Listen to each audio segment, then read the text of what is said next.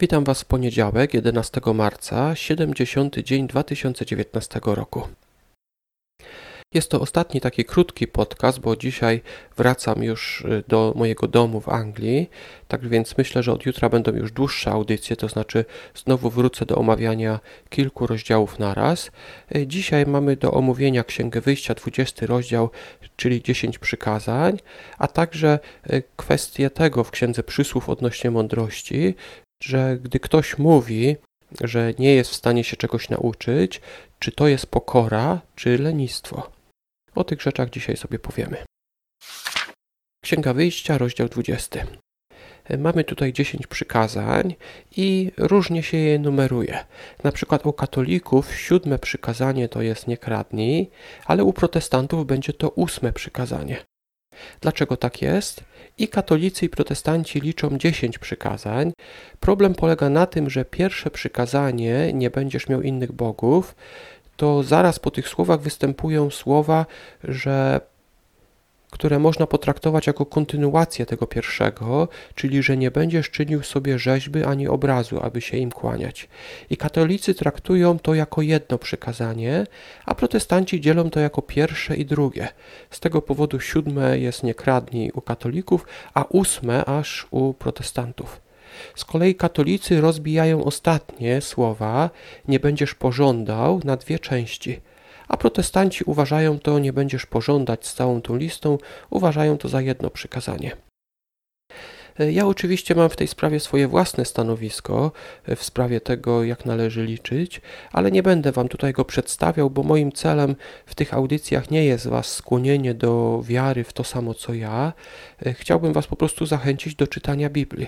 Tak więc zachęcam Was, żebyście sami przeczytali ten 20 rozdział Księgi Wyjścia i sami zdecydowali, gdzie Wy uważacie, jak powinno się liczyć te 10 przykazań.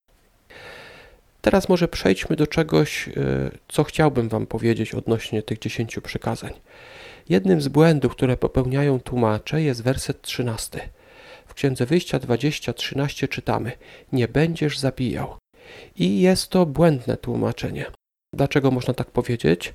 Bo gdyby ten werset rzeczywiście mówił, że nie wolno zabijać, to niemożliwe byłoby zastosowanie wielu przykazań, które nakazywały zabijanie ludzi, którzy łamali prawo mojżeszowe. Na przykład nakazywano kamieniować ludzi, którzy na przykład spalili swoje dzieci dla Boga Molocha. Tak więc ten werset należy przetłumaczyć nie wolno ci mordować bo Biblia nakazywała w pewnych sytuacjach zabijanie, ale mordowanie, czyli zabijanie niezgodne z prawem, było czymś złym, nie samo zabijanie. Jest to taka dosyć kontrowersyjna rzecz, ale y, na pewno w tym miejscu ten werset powinien brzmieć: Nie wolno mordować, a nie, nie będziesz zabijał. Księga Przysłów, ósmy rozdział, od 4 do 6. Czasami ludzie wymawiają się, twierdząc, że są zbyt prości, aby coś pojąć. Y, I mogłoby się wydawać, że to bardzo pokornie z ich strony. Biblia bardzo ceni pokorę, więc to by była dobra cecha, że ktoś się przyznaje do swoich ograniczeń. Ale czy przypadkiem to nie jest lenistwo?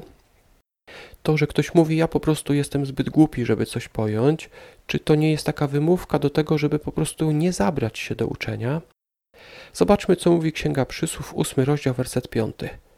Prostacy, mądrości się uczcie, nierozumni, nabierzcie rozsądku. Ta mądrość woła nie do mędrców czy do jakichś intelektualistów, ale woła do prostaczków i nierozumnych, aby się uczyli. Czytamy tutaj: mądrości się uczcie. Uczyć się musi ktoś, kto czegoś nie umie. Nauka to jest także praca, praca umysłowa. Ona daje korzyść, ale jak każda praca także wymaga wysiłku. Jeżeli więc ktoś powie, że jest zbyt prosty, aby się uczyć, powinien sobie przypomnieć ten werset. Prostacy, mądrości się uczcie, nierozumni nabierzcie rozsądku.